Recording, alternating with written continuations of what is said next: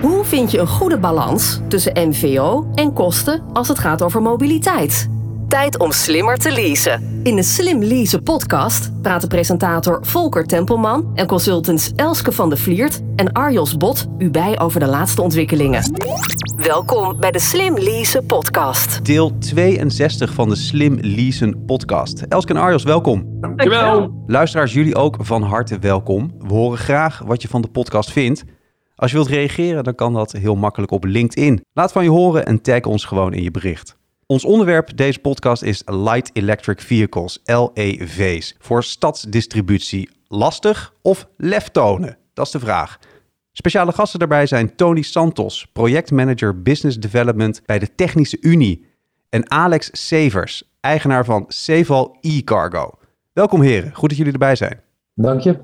Tony, om met jou eh, te beginnen, wat eh, doet eh, de Technische Unie eigenlijk precies? Technische Unie is een, een technische groothandel in Nederland. Valt onder een Franse moedermaatschappij, Sonepar. We zitten in eh, behoorlijk wat landen in, in de wereld. Ik zeg altijd, we zijn geen groothandel, maar we zijn een verbinder tussen vraag en aanbod. We leveren aan installatiebedrijven, aan de kleinzakelijke markt. En dan gaat het voornamelijk om elektrotechnische materialen, sanitair, verwarming, verlichting, alles wat betreft installatietechniek. En Alex, hoe zit het met jou? Eh, Jij bent dan eigenaar van eh eh, e-Cargo. Eh, wat is dat voor een bedrijf? Dat is een bedrijf wat ik ben. Ik heb importeurschap van de Civic Cargo 500. Die komt in onderdelen komt die bij ons aan. Die bouwen wij samen tot een voertuig. Dan maken wij een aparte opbouw, klantenwens maken wij erachterop. Dan doen we de juiste keuring erop en de trekhak erachter en de trailer erachter. En dan leveren we hem aan de klant. En wat is jouw rol daar precies bij? Wat, wat doe je dan als eigenaar? Ik ben daarmee in 2018 gestart. We hebben nu inmiddels zeven medewerkers. En ja, nu begint mijn rol echt meer directie te worden en verkoop. Maar in het begin is het natuurlijk van alles en nog wat. Want ja, je bent ook zelf met aflevering aan het helpen als er een keer heel veel de deur uit moeten. Maar gelukkig begint dat nu een beetje vorm aan te nemen dat het eh, structuur krijgt. Hey Tony, zo'n technische unie, dus je levert eh, die materialen. Maar jullie hebben gewoon een team duurzame stadslogistiek. Kun je Mooi, daar hè? wat meer over vertellen? Ja, dat vind ik heel bijzonder voor zo'n bedrijf. Ja, dat komt ook omdat we zijn begonnen met stadslogistiek, omdat wij werden eh, meegenomen door ronde tafelsessies in verschillende gemeentes. Ja. En dat werd georganiseerd door Buck Consultant. En daar heb ik eh, in meegedaan. Ik heb er volgens mij een stuk of vijf, zes eh, heb ik mee mogen maken. En ik moet zeggen, nummer 5 en 6 lijken heel veel op nummer 1 en 2 en 3 en 4. Dus het was elke keer een herhaling. Eh, maar je ziet wel wat er, wat er gebeurt in eh, dit soort steden. Je gaat je erin verdiepen. En je gaat nadenken over wat betekent dit voor de toekomst van Technische Unie. Om Ja. die steden te kunnen beleveren. Nou, dat, dat deponeer je eigenlijk eh, binnen je club van eh, Business Development. Ik heb eh, marktonderzoek laten doen door USP Marketing. Wat de toekomst is voor de stadslogistiek. En dan voornamelijk voor Technische Unie of voor de technische groothandelaren. Ja. En vanuit, vanuit het marktonderzoek hebben wij een stuurgroep duurzame stadslogistiek gevormd met een aantal directieleden. En vanuit daar eigenlijk een, een team ehm, die het ook ten uitvoer brengt. Dus er is een combinatie tussen logistiek en business development. Zo is het team duurzame stadslogistiek ontstaan. Mooi hoor. Is duurzaamheid eigenlijk altijd al een belangrijk onderwerp voor jullie geweest? Of was het echt dat je dacht van oeh, nu begint het wel heel eh, urgent te worden? Nou, duurzaamheid is inderdaad al jaren een onderwerp. Eh, want wij kijken natuurlijk naar, nou, we verkopen producten. Nou, wat is de trend? Eh, eh, duurzame producten, warmtepompen, et cetera, ledverlichting. Dus dat heeft al jarenlang zijn, zijn focus. Ehm, maar wat nu het oe of oeps momentje is, is van oké, vanaf 2025, 2030, Mhm. moet er emissieloos de stad in worden gegaan. En aangezien wij 75% van onze handel, stops, in de grootstedelijke gebieden hebben, zit daar een, eh, een toekomstdingetje, laat ik maar zo zeggen. Mhm. En onze missie is dat wij al onze klanten, we hebben vijf- vijf- 45.000 klanten, eh, die hebben werkzaamheden in de stad. Dus onze missie is om onze klanten zodanig te verzorgen dat zij eh, hun werkzaamheden in de stad in de toekomst kunnen blijven doen. En nu kijken wij als TNSU heel erg naar het verkopen van producten. Maar ik maak me misschien nog wel drukker over hoe krijgen we de mensen de stad in. Dus het personenvervoer. Nou ja. En, en dat is wat, eh, wat mij eh, eh, bezighoudt. Wij doen ook bouwplaslogistiek, daar hou ik me ook mee bezig. Nee. Het zijn grote bouwprojecten in de stad. Ja. Mhm. waar je natuurlijk op een postzegel moet, moet bouwen. en daar heb je ook heel veel ja, initiatieven en creativiteit om te zorgen dat materialen op een ja, zo, zo efficiënt mogelijke manier de stad ingaat met externe hubs aan de rand van de stad. Dus dat houdt ons wel bezig. Dit is de Slim Lease podcast met Volker Tempelman, Elske van de Vliert en Arjos Bot. En toen hebben jullie ook Alex gebeld. Ja, dat is, ik zeg, dat, dat is voornamelijk mijn collega Stijn Boertje geweest. Uh, maar wij hebben op een gegeven moment gezegd, in Utrecht uh, willen wij een, een pilot gaan starten. Waarbij we de binnenstad van Utrecht, dus binnen de ring. Ja. Uh, je hebt, je, zeg maar, als je het, een stad bekijkt, heb je binnen de gracht en binnen de ring. En wij wilden eigenlijk binnen de gracht en binnen de ring emissieloos transport hebben. Mm -hmm. Naar onze klanten. Dan moet je één kijken van wat voor modaliteiten heb je. Nou, daar begonnen we eerst met de cargo bike, omdat ik uh, fietscouriers in Utrecht uh, goed kende. Dus je kijkt naar de cargo bike, maar we hebben ook gezegd, we willen ook een light electrical vehicle hebben. Ja. Omdat in onze uh, hoofden, als je kijkt naar logistiek, denken we allemaal aan bakwagens. Euro 6 diesel bakwagens. Dat is ja. de modaliteit. Ja. Toen hebben we gezegd, nee, je moet kijken naar wat voor materialen ga je de stad inbrengen en welke modaliteit heb je nodig. Dat emissieloos. Dus precies andersom. Uh, vandaar dat wij ook bij, uh, bij uh, Alex kwamen. en eerlijk gezegd, daarvoor hadden wij bij Goepel gekeken. Goepel is ook een leverancier van elektrische auto's, vanaf de picknickauto. Mm -hmm. En ik zal je vertellen, dat, dat is een beetje hilarisch. we hadden op een gegeven moment hadden wij de chauffeur, Remco. in Utrecht hadden wij proef, proef laten rijden in zo'n lef. Die is gaan rijden in de Goepel. Maar deze meneer die was qua proporties zodanig dat hij er gewoon niet in paste. Oh. Dat weet Alex wel. Dus uh, we hebben moeten kijken naar en schakelen naar, uh, naar andere mogelijkheden. Ik, vond, ik heb zelf ook in die Google gereden. Uh, uiteindelijk zijn we naar, naar Ceval gegaan om te kijken van wat voor juiste electrical vehicle kunnen wij inzetten voor een x-periode in Utrecht. En zo zijn we eigenlijk bij Alex gekomen en hebben daar de, de keuze gemaakt voor, voor zo'n LEF toch even voor de luisteraars, want wij weten wel Light Electric Vehicle LEF, wat het ongeveer is. Maar misschien, Alex, kun jij in een nutshell vertellen wat dat eigenlijk is? Zeker, zeker. Een Light Electric Vehicle is een voertuig wat smaller is dan een normale auto. Ja. Uh, onze voertuigen zijn 1,40 meter breed en dat geldt ook voor de, van de collega's. Uh, die toch een 3,5 4 kub maximaal 3,5 4 kub vracht mee kunnen nemen. En door middel van onze combinatie kan er nog eens een keer 10 kub achter gehangen worden. Uh, het gaat zelfs van een tuk-tuk, zeg maar even, met een klein bakje van 800 liter. Tot aan, wat, wij zitten wel een beetje aan de, aan de bovengrens van de, wat een light electric vehicle genoemd mag worden. En voornamelijk kenmerkt het zich door ja, die compacte maat van 1,40 meter, waardoor je niet uh, per se een parkeerplek op hoeft te zoeken, maar voor de deur kan laden en lossen. Maar daar komen we straks nog even op terug. Wat misschien nog even toe mag lichten, is dat uh, waar uh, wij tegenaan lopen, is dat wij zijn geen bedrijf die pakketjes leveren. Wij hmm. leveren geen pakketjes. We leveren vanuit een gloeilamp tot aan kabelhaspels van, uh, van 500 meter. Dus de grilligheid ochtends aan materialen wat, wat aangeboden wordt aan een vervoerder, dat is enorm. Dat is op, op volume en gewicht. Dus uh, wij zijn geen pakketjeslevers. Dus daar, is, daar ligt de moeilijkheid voor, uh, voor dit project om te zeggen, joh, we kunnen gewoon alles leveren. En ja, soms hebben we inderdaad een bakwagen in moeten zetten, omdat het volume te groot was. Als je tien warmtepompen gaat leveren op een adres, dan wordt het erg lastig, ook in de, in, in de lefs van, van Alex. In augustus 2020 zijn wij, toen kwam ik in contact met Steiny. Die had een, een, een, een, een combinatie gezien. En die zei eigenlijk, joh, zou dat wat voor ons zijn om daar een pilot mee te draaien? Nou, fijn, chauffeur erbij, chauffeur ook gekeken hoe of wat. Uh, toen hebben we naar de toepassingen gekeken en de opdracht die er eigenlijk lag is van, ja, we moeten wel uh, eh, 1000 kilo aan goederen mee kunnen nemen in de aanhanger, uh, eh, 500 kilo aan goederen in het voorwagentje en uh, we moeten pijpen mee kunnen nemen van 6 meter lang. Ja. En dat zijn verwarmingspijpen, dat zijn elektriciteitspijpen, maar dat kunnen wel eens pijpen zijn die ongeveer een kilootje of 30, 40 stuk wegen. Nou, daar hebben wij goed naar gekeken. Daar hebben we een Imperial voor op de wiptrailer gemaakt. Eh, achteraf gezien zeggen we hadden nog een, een betere oplossing kunnen doen, maar dat is voor later natuurlijk te houden.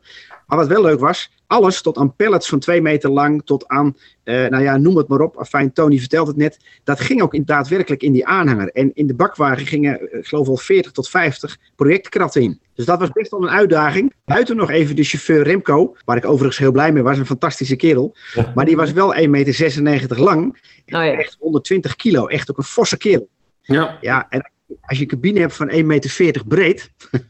Ja. en hij wordt al een beetje gevuld door de chauffeur.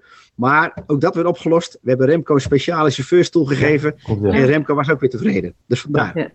Zijsprongetje, actieradius. Moeten jullie überhaupt ver, hè, Tony? Dat weet ik ook niet precies. Is, is dat überhaupt een issue? Uiteraard is de, de actieradius natuurlijk wel een issue, maar het is niet zo dat wij eh, heel veel kilometers rijden. Ik weet even niet in mijn hoofd, maar volgens mij als je bij de 60 of de 100 kilometer op een dag komt, dan, eh, dan heb je het wel gehad. Oh, Maar wat een uitdaging was, was eh, opritten. Eh, dus de kracht die het moet hebben om er naar boven te rijden. Ehm, maar in principe, qua actieradius, eh, we in het begin hebben we wel wat problemen gehad eh, qua capaciteit, dacht ik, Alex. We hebben daar wel- gewisseld halverwege, de, of tenminste na twee, drie weken.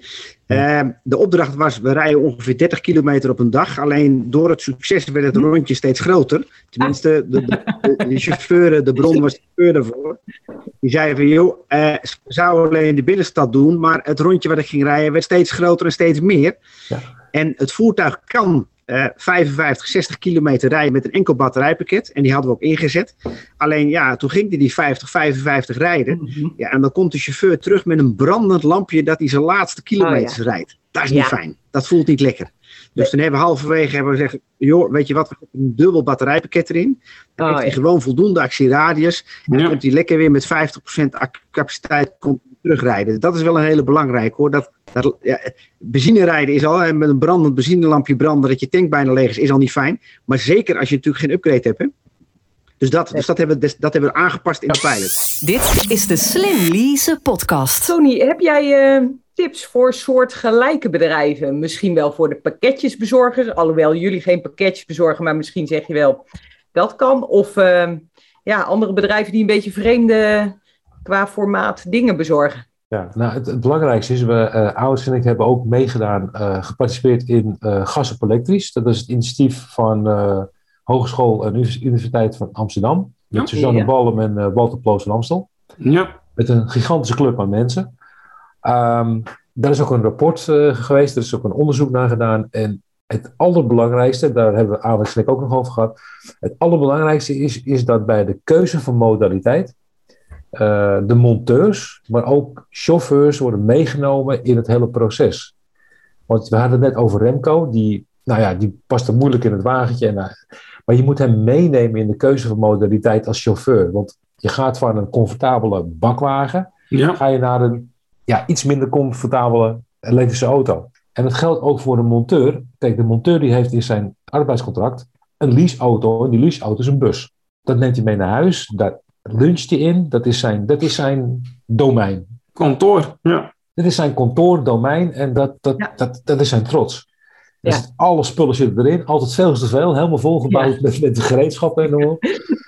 Eh, maar dat is zijn ding, want dat is, dat is zijn zekerheid. En als Ja. hij moet overgaan naar een elektrische auto wat minder aan kan, ja, dan heb je een probleem.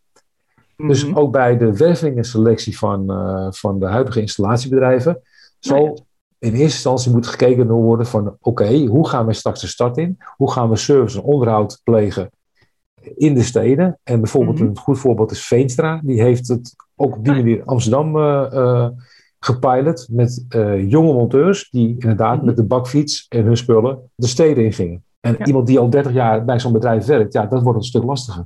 Wat Tony net zegt bijvoorbeeld, zodra een chauffeur vanuit een mooie grote bus in zo'n voertuigje terechtkomt, dan heeft hij minder comfort als in zijn grote bus. Maar, en sterker nog, hij moet meer pakketjes bezorgen. Want hij kan er ook meer bezorgen. Ja. Dus de efficiëntie die bij de werkgever tot uiting komt in lagere kosten, geeft hem een grotere werkdruk en een kleinere cabine. Ja. Ja, dat, die verschillen, daar moet je wel goed voor oppassen. Want daar heb ik al meerdere keren tegenaan gelopen dat iemand zegt, ja, hè, het voordeel zit bij de werkgever en ik krijg een kleinere auto. en ik moet harder werken. Ja, maar het, het is, Dat, dat is natuurlijk wel een. En als je iemand hebt die van een fiets afkomt en die in zo'n voertuigje komt, ja, die zit lekker droog en die heeft verwarming, dan Ja. is dat fantastisch. Ja. En ik moet zeggen, dat eh, geldt ook voor ons, dat de gemiddelde stoptijd lager is. Dus meestal is zo'n bakwagen om een uur of twee, drie smiddags terug. En nu waren eigenlijk de cargo bike en de, de lef, die waren rond een uur of twaalf, één al terug. En die waren klaar. Dus je bent eh, sneller, want je kan echt Ja. voor de deur als het ware je, je, je fiets neerzetten of je LEV. Je hoeft geen grote klep naar beneden te laten gaan hydraulisch. Je kunt meteen het deurtje open doen of dat schuifje. Je pakt eh, de spullen, je levert hem af. Je bent alleen wat meer tijd kwijt, eh, zijn we kwijt geweest, omdat elke klant wel graag een, een selfie wilde maken met Dus dat, dat kwam er ook bij, dus dat gaf wel de populariteit aan. Eh, er werd wel een beetje lacherig om gedaan, maar ze willen toch een foto.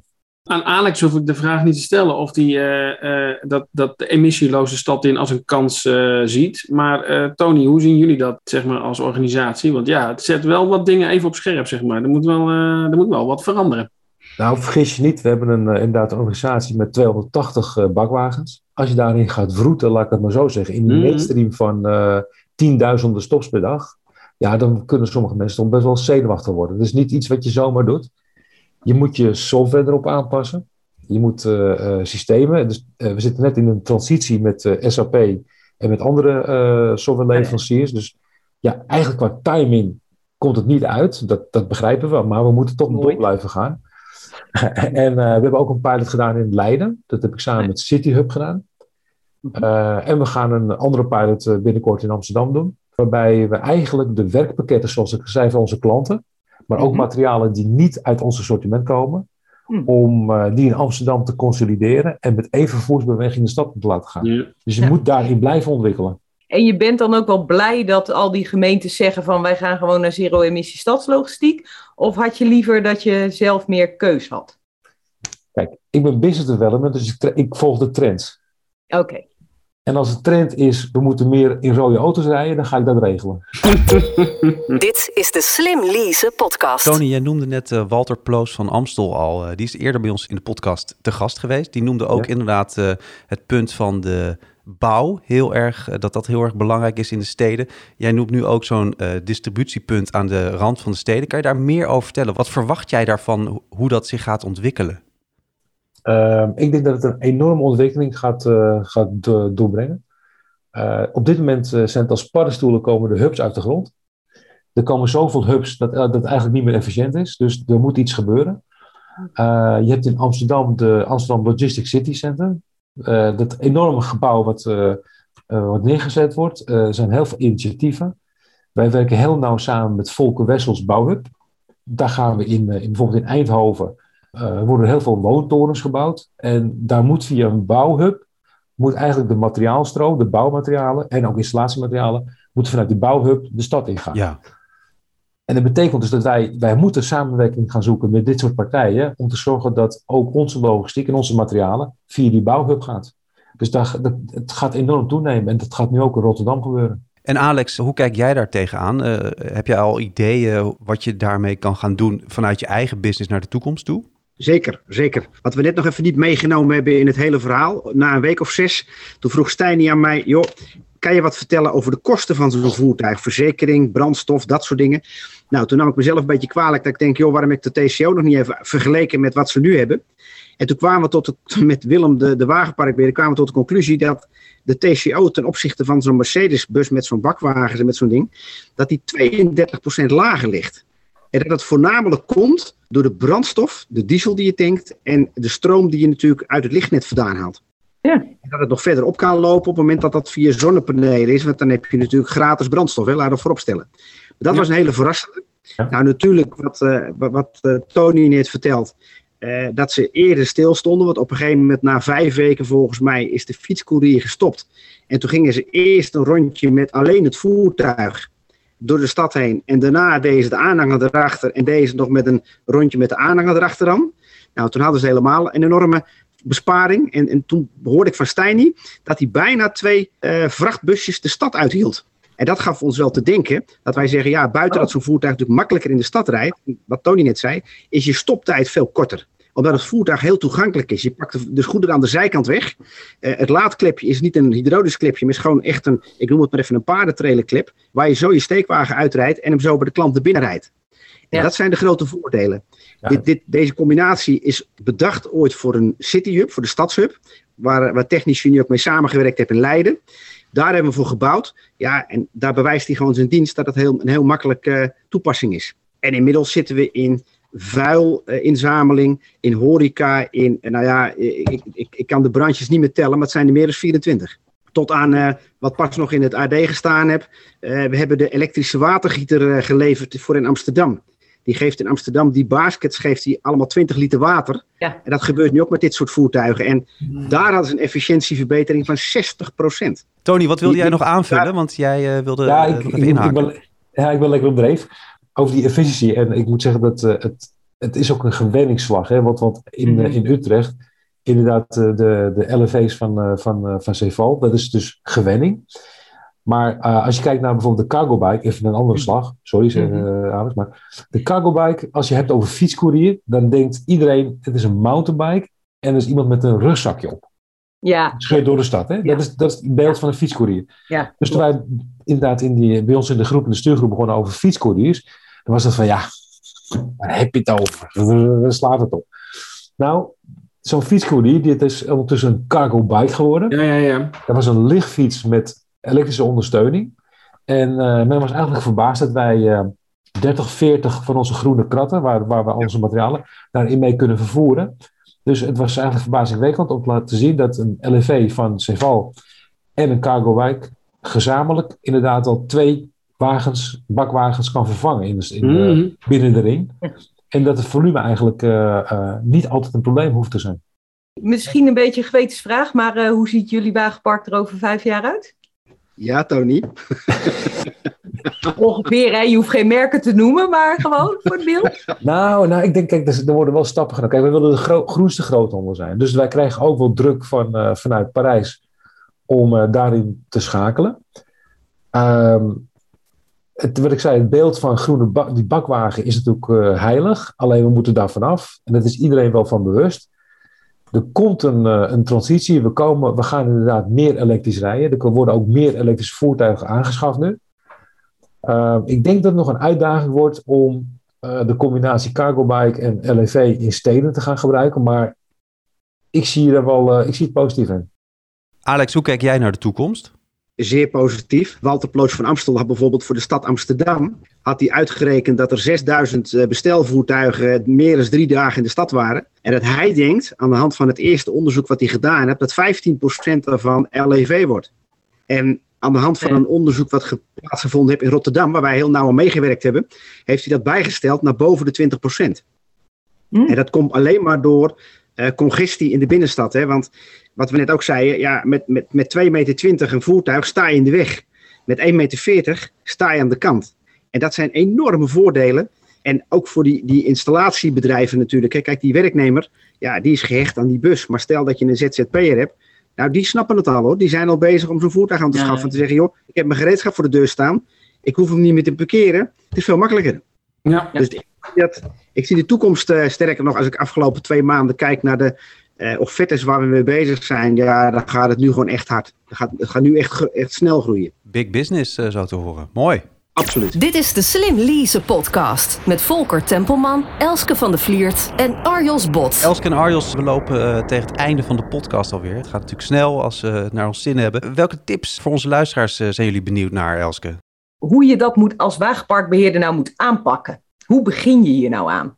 Nou, wat ik al eerder zei, neem je mensen mee in het bedrijf. Ja. Uh, die erin moeten rijden. Laat ze ook betrekken in, uh, in de keuze die ze maken. Want dan heb je ze mee. Dan heb je inderdaad uh, als team, als groep, ga je die transitie in het bedrijf maken. En dan is men ook trots op de keuze die gemaakt is. Dat wordt ook tijdens verjaardagen, dat mag weer hè. tijdens verjaardagen kan het weer verteld worden. Dus het moet ja. een, een, feestje worden om die transitie door te maken in het bedrijf zoals technisch u niet opgezet hebt, chauffeur meenemen, iedereen meenemen, iedereen deelgenoot maken. En na twee, drie weken hebben we een evaluatie gehad met directie, een chauffeur erbij, alles erbij, fietscourier erbij. ja, ik vond, ik vond het een, voor mij heel leerzame, maar ook een goede pilot. Dit was hem, deel 62 van de Slim Leasen podcast. Te gast waren Tony Santos, projectmanager Business Development bij de Technische Unie... en Alex Severs, eigenaar van Seval e-Cargo. Tony Alex, dank jullie wel. Graag gedaan. Mooi dat jullie erbij waren. Uh, luisteraars, jullie ook bedankt. We vinden het natuurlijk heel erg leuk dat je luistert naar de Slim Lease podcast.